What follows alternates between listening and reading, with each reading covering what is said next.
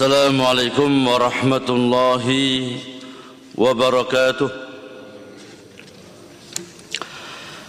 إن الحمد لله نحمده ونستعينه ونستغفره ونتوب إليه ونعوذ بالله من شرور أنفسنا ومن سيئات أعمالنا. من يهده الله فلا مضل له ومن يضلل فلا هادي له. أشهد أن لا إله إلا الله وحده لا شريك له وأشهد أن محمدا عبده ورسوله. اللهم صل وسلم وبارك على نبينا محمد وعلى آله وصحبه أجمعين وبعده Jamaah salat subuh yang semoga dirahmati oleh Allah Subhanahu wa taala. Alhamdulillah. Kita memuji dan bersyukur kepada Allah Subhanahu wa taala atas melimpah nikmat dan karunia yang telah Allah limpahkan kepada kita. Salawat dan salam semoga tetap tercurahkan kepada junjungan Nabi kita Muhammad sallallahu alaihi wasallam kepada keluarga beliau, para sahabat beliau dan umat yang senantiasa istiqamah di dalam menempuh jejak beliau yaumil qiyamah.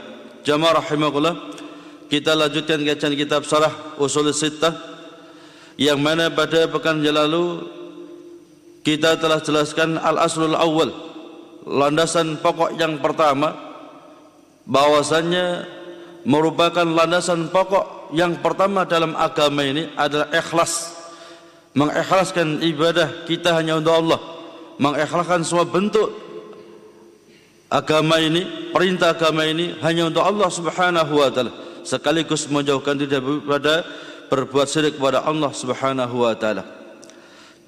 Dan telah kita jelaskan cuman belum selesai kita masuk halaman 114. Wa kama Allah taala al-ikhlasa wa adharahu bayana dhiddahu wa huwa syirk. Allah Subhanahu wa taala telah jelaskan kepada kita tentang ikhlas. Yang mana ikhlas itu telah kita jelaskan pada pertemuan yang telah lalu ayyak sudal mar'u bi ibadati at-taqarruba ila Allah taala wa tawassula ila dari karamatihi. Yani ketika seorang hamba beribadah kepada Allah dalam rangka untuk mendekatkan diri kepada Allah dan agar bisa menyampaikan ya ke tempat yang dimuliakan oleh Allah yakni surga Allah Subhanahu wa taala tidak tercampur dalamnya riya tidak tercampur dalamnya sum'ah ataupun yang lainnya yang bisa mengotori kemurnian yakni kemurnian ikhlas itu sendiri. Sekaligus Allah juga telah sebutkan kebalikan daripada ikhlas ini syirik. Allah sebutkan di dalam surat An-Nisa Allah telah berfirman Inna la yaghfiru ay yushraka bihi wa duna dzalika liman yasha. Bahkan itu diulang oleh Allah. Dalam ayat 49 ayat 116 ya, Allah ulang tentang pentingnya tauhid ini. Allah tidak akan pernah mengampuni dosa syirik, tetapi Allah mengampuni dosa selain syirik bagi siapa saja yang Allah kehendaki.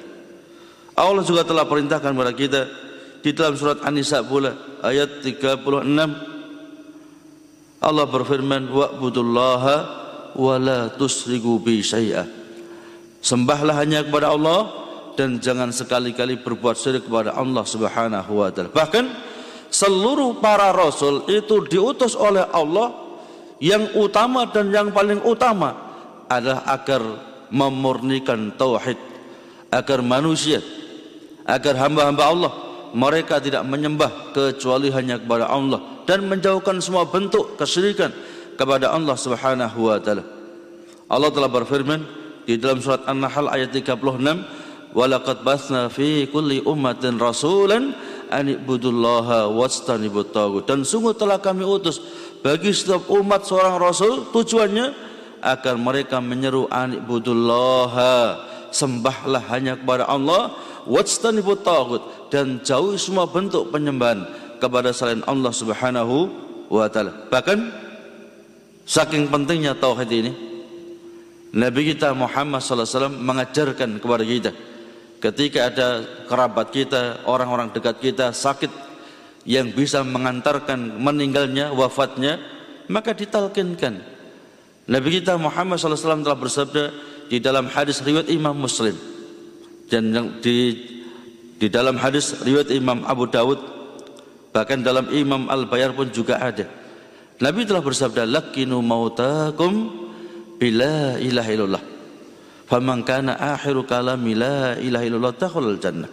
Ya, talkinkan orang yang akan meninggal dunia di antara kalian dengan kalimat tauhid la ilaha illallah. Mengapa? Faman kana akhiru kalami la ilaha illallah jannah.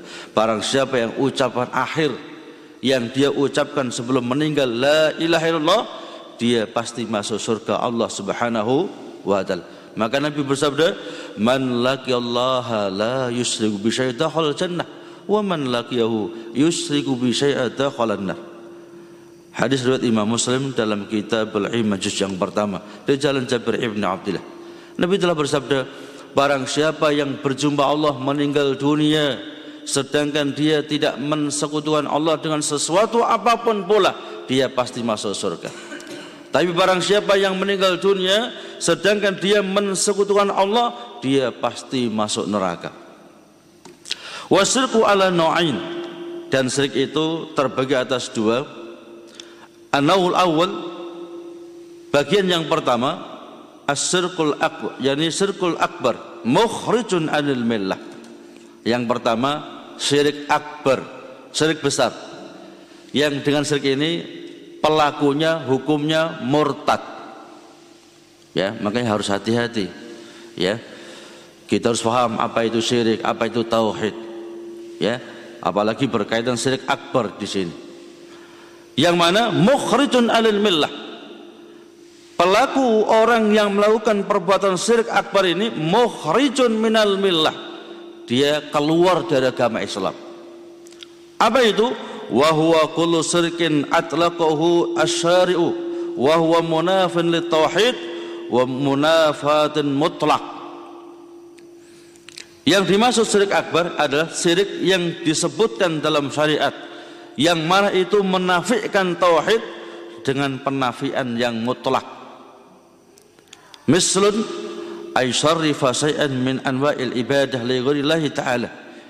Bi ay li ghairillah au yadbaha li ghairillah ayandhara li ghairillah au ayad'uwa ghairallahi ta'ala. Mislun ayad'uwa sahiba qabrin au yad'uwa ghaiban li inqadhihi min amrin la yaqdu alaihi illa al-hadir. Contohnya yakni ketika seseorang memalingkan bentuk-bentuk ibadah kepada selain Allah Subhanahu wa taala. Contoh, seorang sholat bukan kepada Allah, sholat kepada kuburan misalnya. Apa ada? Ada. Saking ya, saking kagumnya kepada orang yang telah mati, saking ta'zimnya kepada orang yang telah mati, dia pun sholat kepada orang yang telah mati itu. Ini murtad. Ya, karena dia beribadah kepada selain Allah Subhanahu wa ta'ala. Ataupun menyembelih binatang bukan untuk Allah untuk tumbal, untuk sesaji, untuk sandingan. Ini bahaya jamaah rahimahullah ya. Berapa banyak orang terjerumus dalam hal ini? Ya waktu mantu cari ayam hitam mulus putih mulus disembelih ditaruh di apa itu jembatan. Atau ditaruh di pohon-pohon besar. Ya tujuannya supaya acaranya selamat, acaranya lancar. Ini termasuk perbuatan syirik bahkan sirkun akbar. Ataupun berdoa kepada selain Allah. Mislun ayat wal sahiba qabrin. Contoh berdoa kepada orang yang telah mati. Ya fulan fulan, saya minta ini, minta ini dan macam-macam ini adalah sirkun akbar ya saya pernah tanya kepada orang yang biasa ziarah kubur Afan saya mau tanya untuk tabayun antum sebelum taklim dulu sebelum mengaji dulu kan sering ziarah kubur iya bagaimana praktiknya Yaitu Pak Ustadz minta-minta, ada di antara kamu yang minta langsung dari orang mati. Minta langsung, iya minta langsung dari orang yang telah mati. Masya Allah. Ada hanya ngaminkan tok, nggak bisa apa-apa. Ya, ada yang apa itu yang punya keyakinan pakai dua di situ pasti mustajab. Jadi masing-masing itu nggak sama. Ada yang langsung minta kepada orang yang mati, ada yang hanya berkeyakinan bahwasanya doa di situ pasti mustajab. Ada yang ngaminkan tok, nggak tahu apa-apa dia. Masya Allah. Ya. Ziarah kubur bagi laki-laki sunnah. Ya. Cuman harus ngerti ya fikih berkaitan dengan ziarah kubur. Ya. Ziarah kubur orang Karangsari, cukup Karangsari ada kuburannya juga. Nggak perlu ke Madura, nggak perlu ke ya Banten, ya kata Nabi kita Muhammad sallallahu alaihi wasallam la tasuddur rihal illa ila salasi masajid masjid hada wa masjidil haram wa masjidil aqsa tidak boleh safar ya menyiapkan bekal untuk menuju tempat yang di situ dianggap ada berkahnya kecuali dalam tiga masjid. Jadi tidak boleh kita safar menyiapkan bekal untuk perjalanan jauh yang kita yakini di tempat itu ada berkahnya kecuali tiga masjid. Ya apa itu? Kata Nabi masjid hada masjidku ini. Sholat di masjid Nabawi itu sama dengan seribu rakaat masjid di sholat di masjid Madinah ini ya satu rakaat di masjid Nabawi ini setara dengan seribu rakaat di sini ya akan ada berkahnya kan yang kedua, Masjidil Haram. Satu rakaat di Masjidil Haram setara dengan seratus ribu rakaat di masjid ini. Yang ketiga, Masjidil Aqsa. Satu rakaat di Masjidil Aqsa setara lima ratus rakaat di sini. Dalam riwayat, riwayat yang lain, riwayat Imam Ibnu Majah 250 rakaat. Ya, cuman yang ma'ruf ada 500 rakaat. Ada berkahnya sekarang ini kita ya dari Lumajang berangkat ke Banten kembali ya yakin kalau doa di sana di kuburan fulan-fulan mustajab. Ini bid'ah. Belum syirik. Tapi kalau sampai minta kepada orang yang telah mati, hukumnya sirkun akbar, muhrijun minal millah. Ketika telah iqamatul hujjah, ya, telah ditegakkan dalil hujjah dan dia tetap nekat hukumnya keluar dari agama Islam. Kan bahaya itu. Ya. Sangat pentingnya kita belajar tauhid, sangat pentingnya kita faham untuk masalah syirik. Yang kedua, anna usani asyirkul asghar wa huwa kullu amalin qawliyin aw fi'liyin atlaqa ali syari'u wasfa sirki lakinahu la yunafi tauhidah munafatin mutlak. Yang kedua ada syirik asgar. Yang dimaksud syirik asgar, semua amalan, baik perbuatan atau ucapan, yang syariat menyebutnya sebagai syirik, tapi tidak menafikan tauhid. Contoh, ya, contoh adalah riak Contoh lagi sum'ah. Ataupun bersumpah kepada selain Allah. Itu syirik kecil. Ada orang ya, ada orang mengatakan demi langit dan bumi. Ini syirik kecil. Belum syirik akbar. Ya. Untuk meyakinkan oh demi langit dan bumi saya akan macam-macam ya. Ini syirik kecil, belum syirik akbar. Dan syirik kecil yang paling dikhawatirkan Nabi ada riya. Nabi kita Muhammad SAW telah bersabda, Ahwafu ma akhafu alaikum asyrikul asghar.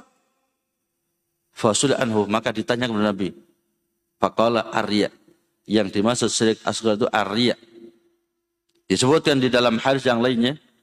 Nabi kita Muhammad SAW telah bersabda, Ala uhbirukum bima huwa akhwafu alaikum minnal masihid dajjal? Maukah aku sebutkan kepada kalian wahai para sahabat sesuatu yang lebih aku takutkan melebihi munculnya yakni ad-dajjal kepada kalian. Maka mereka suatu mengatakan, bala ya Rasulullah. Ya. Sesuatu yang lebih aku takutkan atas kalian melebihi munculnya dajjal ada asrul khafi. Sirik yang tersembunyi. Sirik kecil. Ya. Dan langsung ditafsirkan Nabi sendiri. Ayyaku marrajulu. Fayusalli. Fayuzazzinu salatahu. Lima yara min nadir rajul. Yang dimaksud sirik khafi atau sirik kecil itu adalah ketika seseorang beribadah, sholat, dan dia baguskan sholatnya karena ada orang yang menyaksikannya, karena ada orang yang melihatnya. Itu saja khafi. Ya, misalnya kalau sholat sendirian paling-paling hanya tiga menit, tapi karena disaksikan orang bisa 20 menit. Ya bisa 30 menit. Sampai nangis-nangis lagi. Ya ini syirik khafi. Dan itu semua hamba Allah bisa terhinggapi dengan penyakit ini. Ya semua hamba Allah bisa terhinggapi dengan penyakit ini kecuali orang yang dirahmati oleh Allah Subhanahu wa taala ketika ada bisikan semacam ditolak. Ketika ada bisikan itu ya kemudian isti'adzah billah. Ada bisikan semacam itu bukan taladzut bihi, bukan menikmatinya, tapi senantiasa langsung menolaknya, menolaknya. Ya, itu membuktikan hamba ini betul-betul ya, betul-betul memurnikan tauhid. Maka berkata Ibn Abi Malikah tentang apa itu bahayanya syirik terutama syirik khafi atau syirik kecil. Belum mengatakan adraktu salasina min ashabi Rasulullah sallam. Qallihim ya khafun nifaq ala nafsihi. Ya, aku telah menjumpai 30 sahabat Nabi.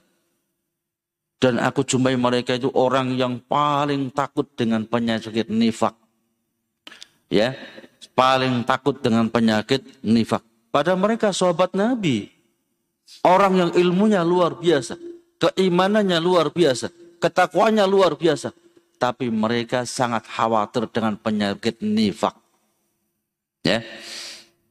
Kita kadang-kadang baru hanya ustadz kecil sudah matuwe, ya, merasa sudah hebat, ikhlas benar macam-macam. Kita harus berusaha dan berusaha. Itu perjuangan.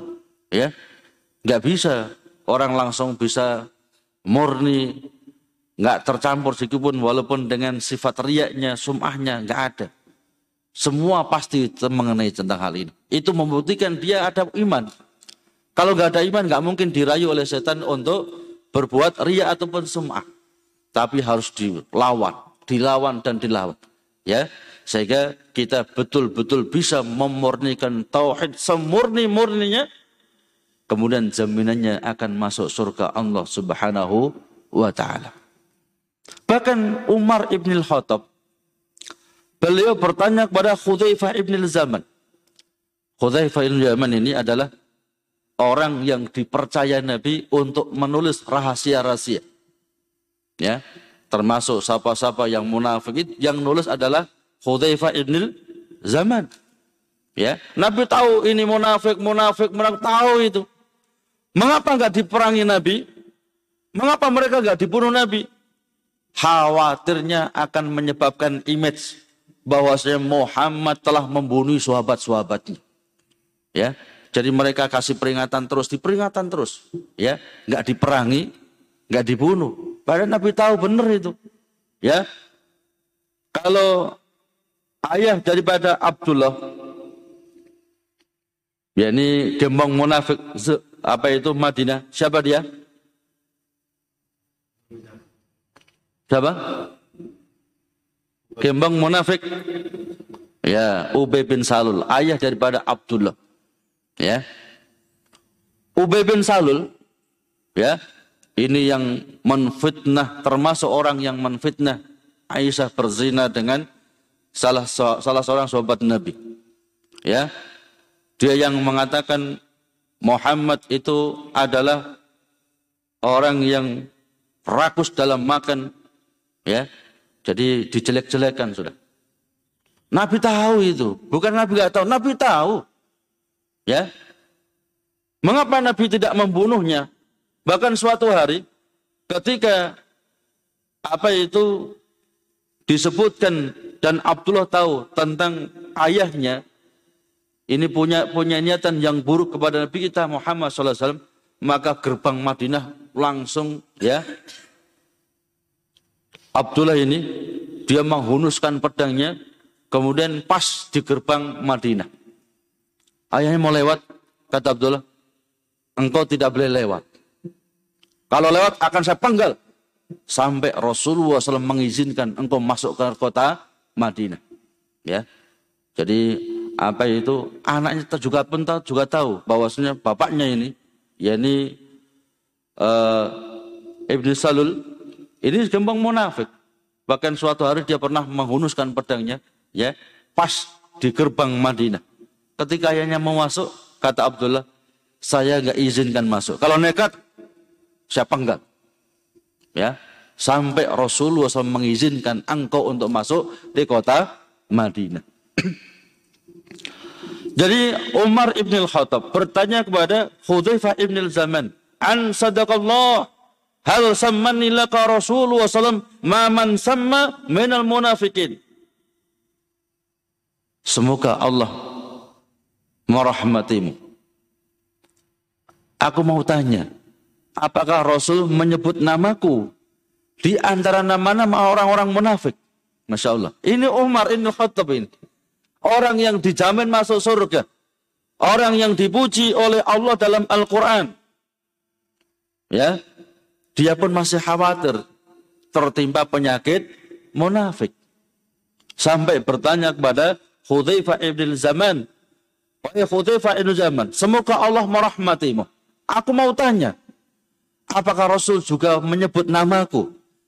Di antara nama-nama orang munafik. Karena Hudzaifah ini ya orang yang menulis rahasia rahasia.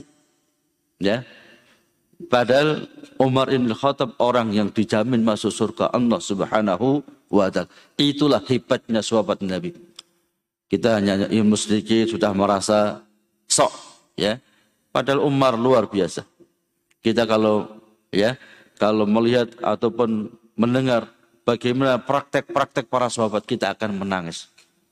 Begitu hebatnya mereka. Maka benar kata salaf kita dahulu. Mereka mengatakan ma jahatu nafsi ala sayin ma jatuha alal ikhlas. Tidaklah aku ya beribadah dengan suatu hal yang paling berat, paling sulit kecuali ibadah dengan ikhlas.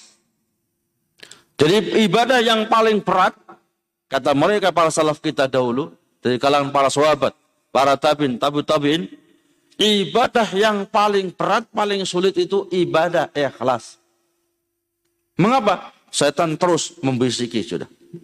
Awalnya ikhlas, akhirnya nggak ikhlas.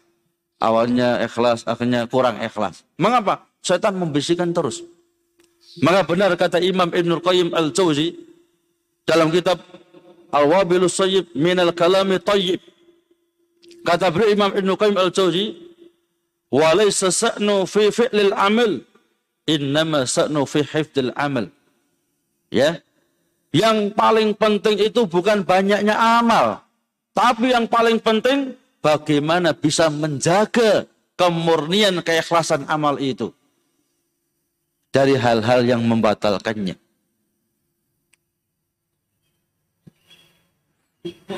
Karena begitu besar godaannya orang yang beramal soleh. Begitu besar ujiannya orang yang beribadah kepada Allah Subhanahu wa taala. Kita lanjutkan al-asl sani. Landasan pokok yang kedua. Amarallahu bil istima' fid wa naha 'anit tafarruq fihi. Fabayyana Allah hadha bayanan safiyan tafhamul awam wa nahana an nakuna kalladhina tafarraqu wa ikhtalafu qablana fahalaku wa dzakara anna amara al-muslimina bil istima' fid din wa nahahum 'an tafarruq fihi. Prinsip landasan pokok yang kedua yang wajib untuk kita ilmui, yang wajib untuk kita ketahui Allah Subhanahu wa taala perintahkan kita untuk bersatu di dalam masalah agama ini dan Allah melarang kita untuk berpecah belah. Jadi Allah perintahkan kepada kita untuk bersatu dan Allah melarang kita untuk berpecah belah. Dan Allah Subhanahu wa taala jelaskan tentang perintah Allah untuk bersatu ini dengan penjelasan yang sangat-sangat gamblang. Yang orang awam saja dia paham dia.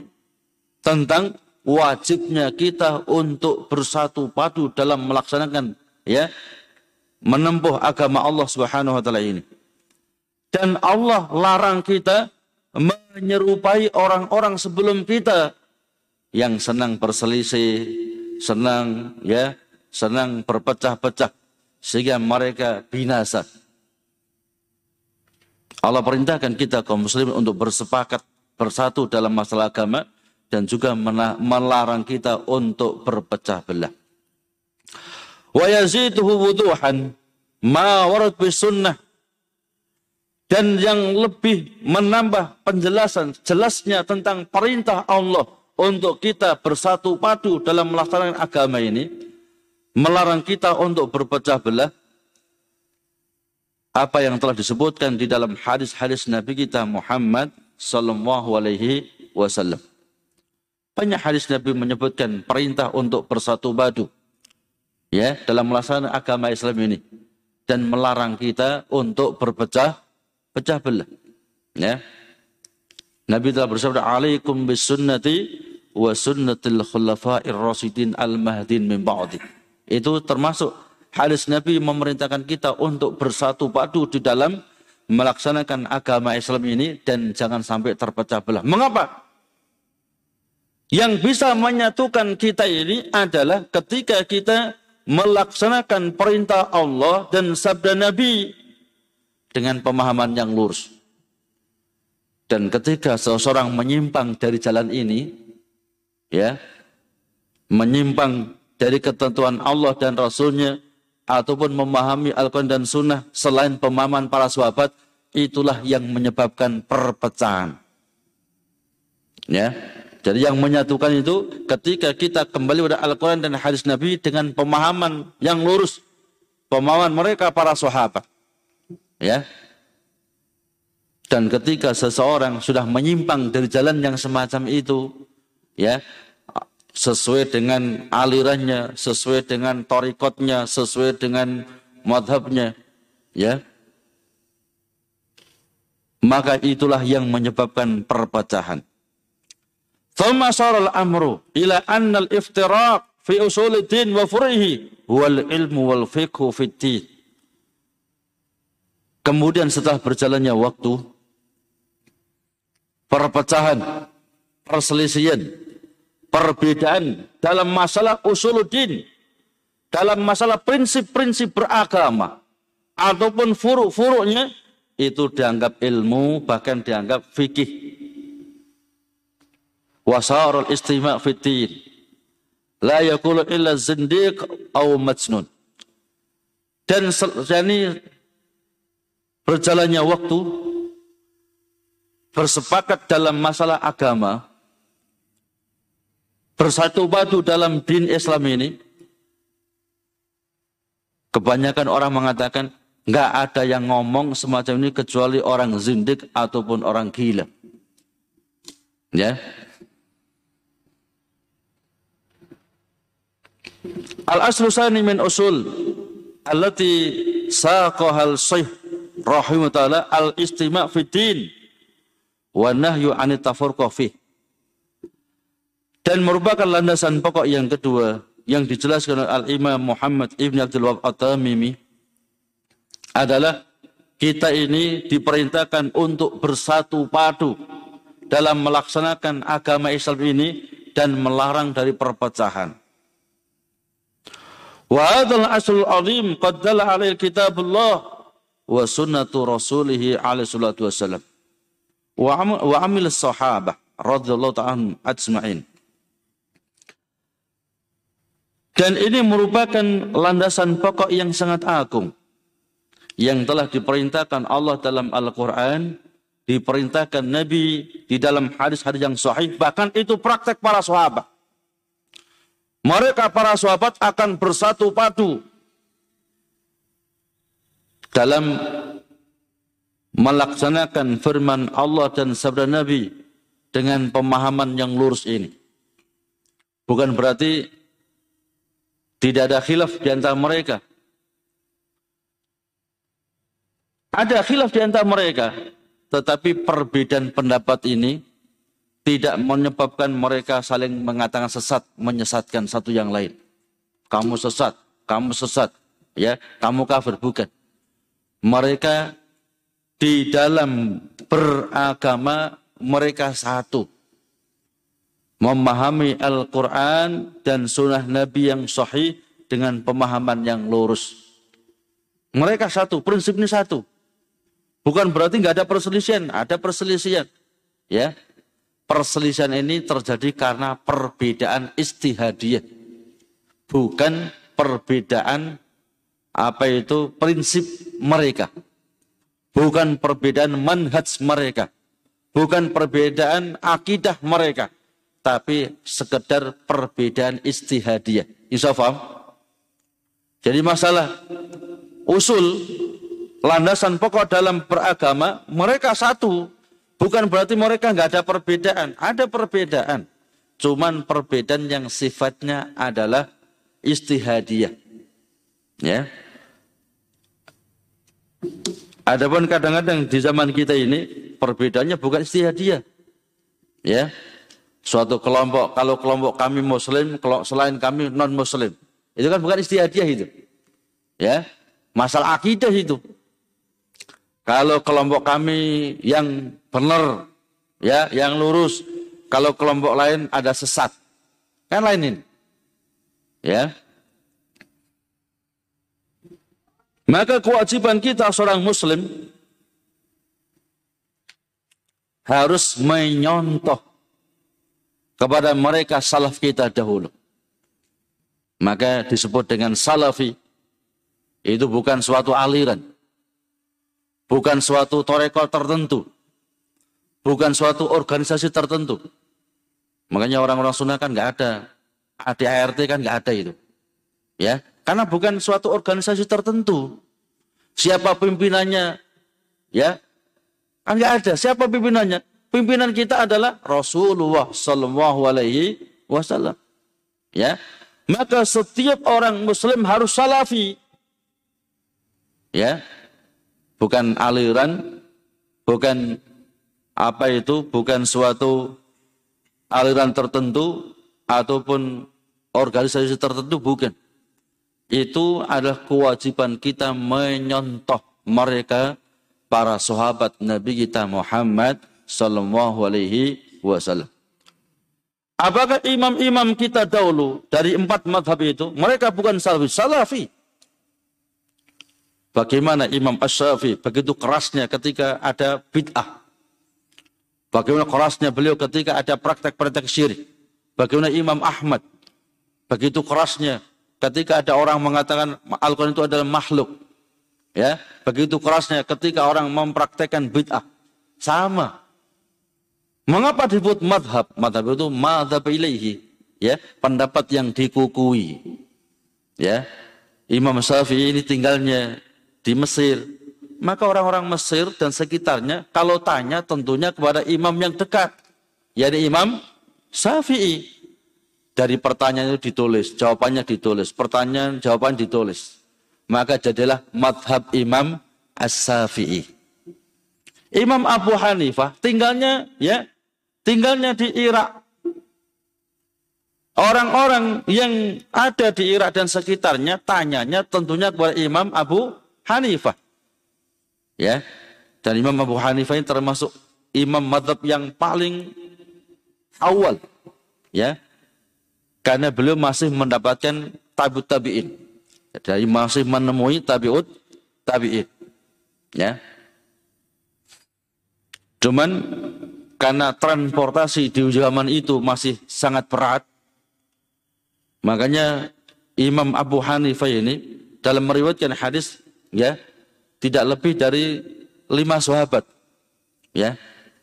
Hanya, kalau nggak dari sahabat ini mesti ini kalau ini mesti ini ya. Beda dengan Imam Ahmad banyak ya sahabat dari ini dari ini dari banyak. Kalau Imam Abu Hanifah ini hanya beberapa sahabat saja. Mengapa karena sulitnya transportasi waktu itu.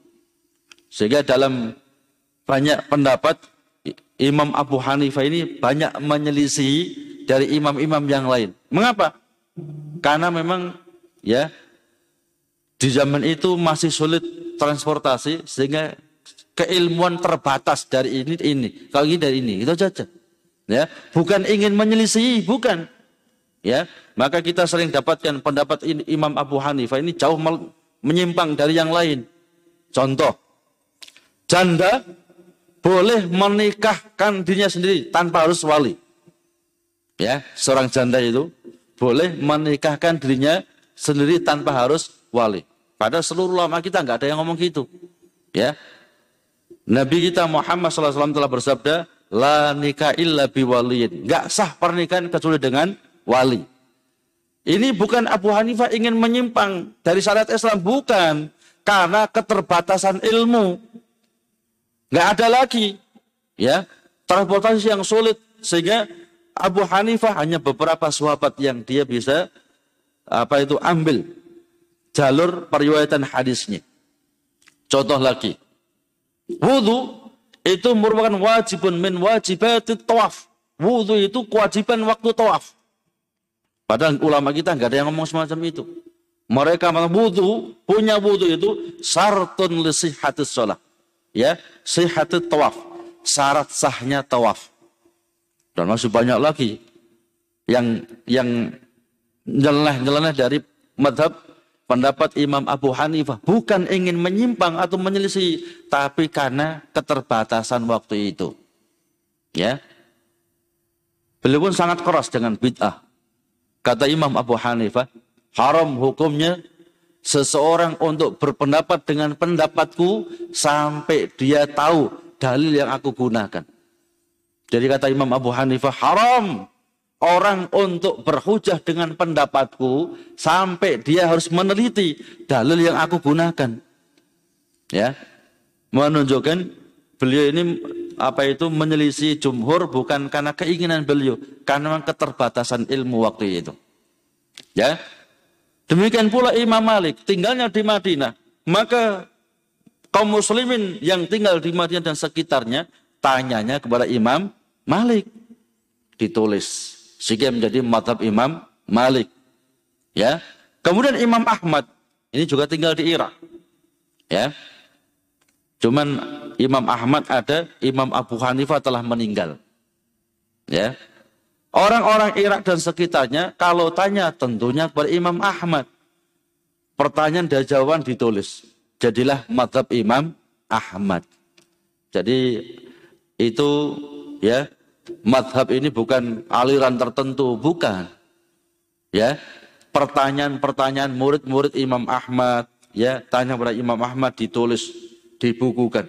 Jadilah madhab Imam Ahmad. Mereka semua salafi. Mereka ada ahli sunnah wal jamaah. Mereka orang-orang yang istiqomah di dalam menempuh jalan yang telah ditunjukkan oleh Allah dan Rasulnya Muhammad Sallallahu Alaihi Wasallam. Jadi harus bersatu padu dalam melaksanakan agama Islam ini dan tidak mungkin diraih persatuan itu kecuali kembali kepada Al-Quran dan Sunnah dengan pemahaman sahabat Nabi kita Muhammad Sallallahu Alaihi Wasallam. Ya, kadang-kadang orang yang sudah ngomong kami Al-Quran Sunnah dengan pemahaman sahabat itu kadang saling tuding menyesatkan kok. Ya, oh jangan kajian itu sesat itu. Ya, orang semacam ini bahaya ini. Ini pemecah belah umat. Ya, selama akidahnya lurus, manhajnya lurus, pola pikirnya lurus, baik. Adapun mungkin akhlaknya kurang baik, ini lain lain lain sendiri sudah. Ya, itu tanggung jawab masing-masing. Ya, selama akidahnya lurus, manhajnya lurus, akidahnya lurus, benar. Ya.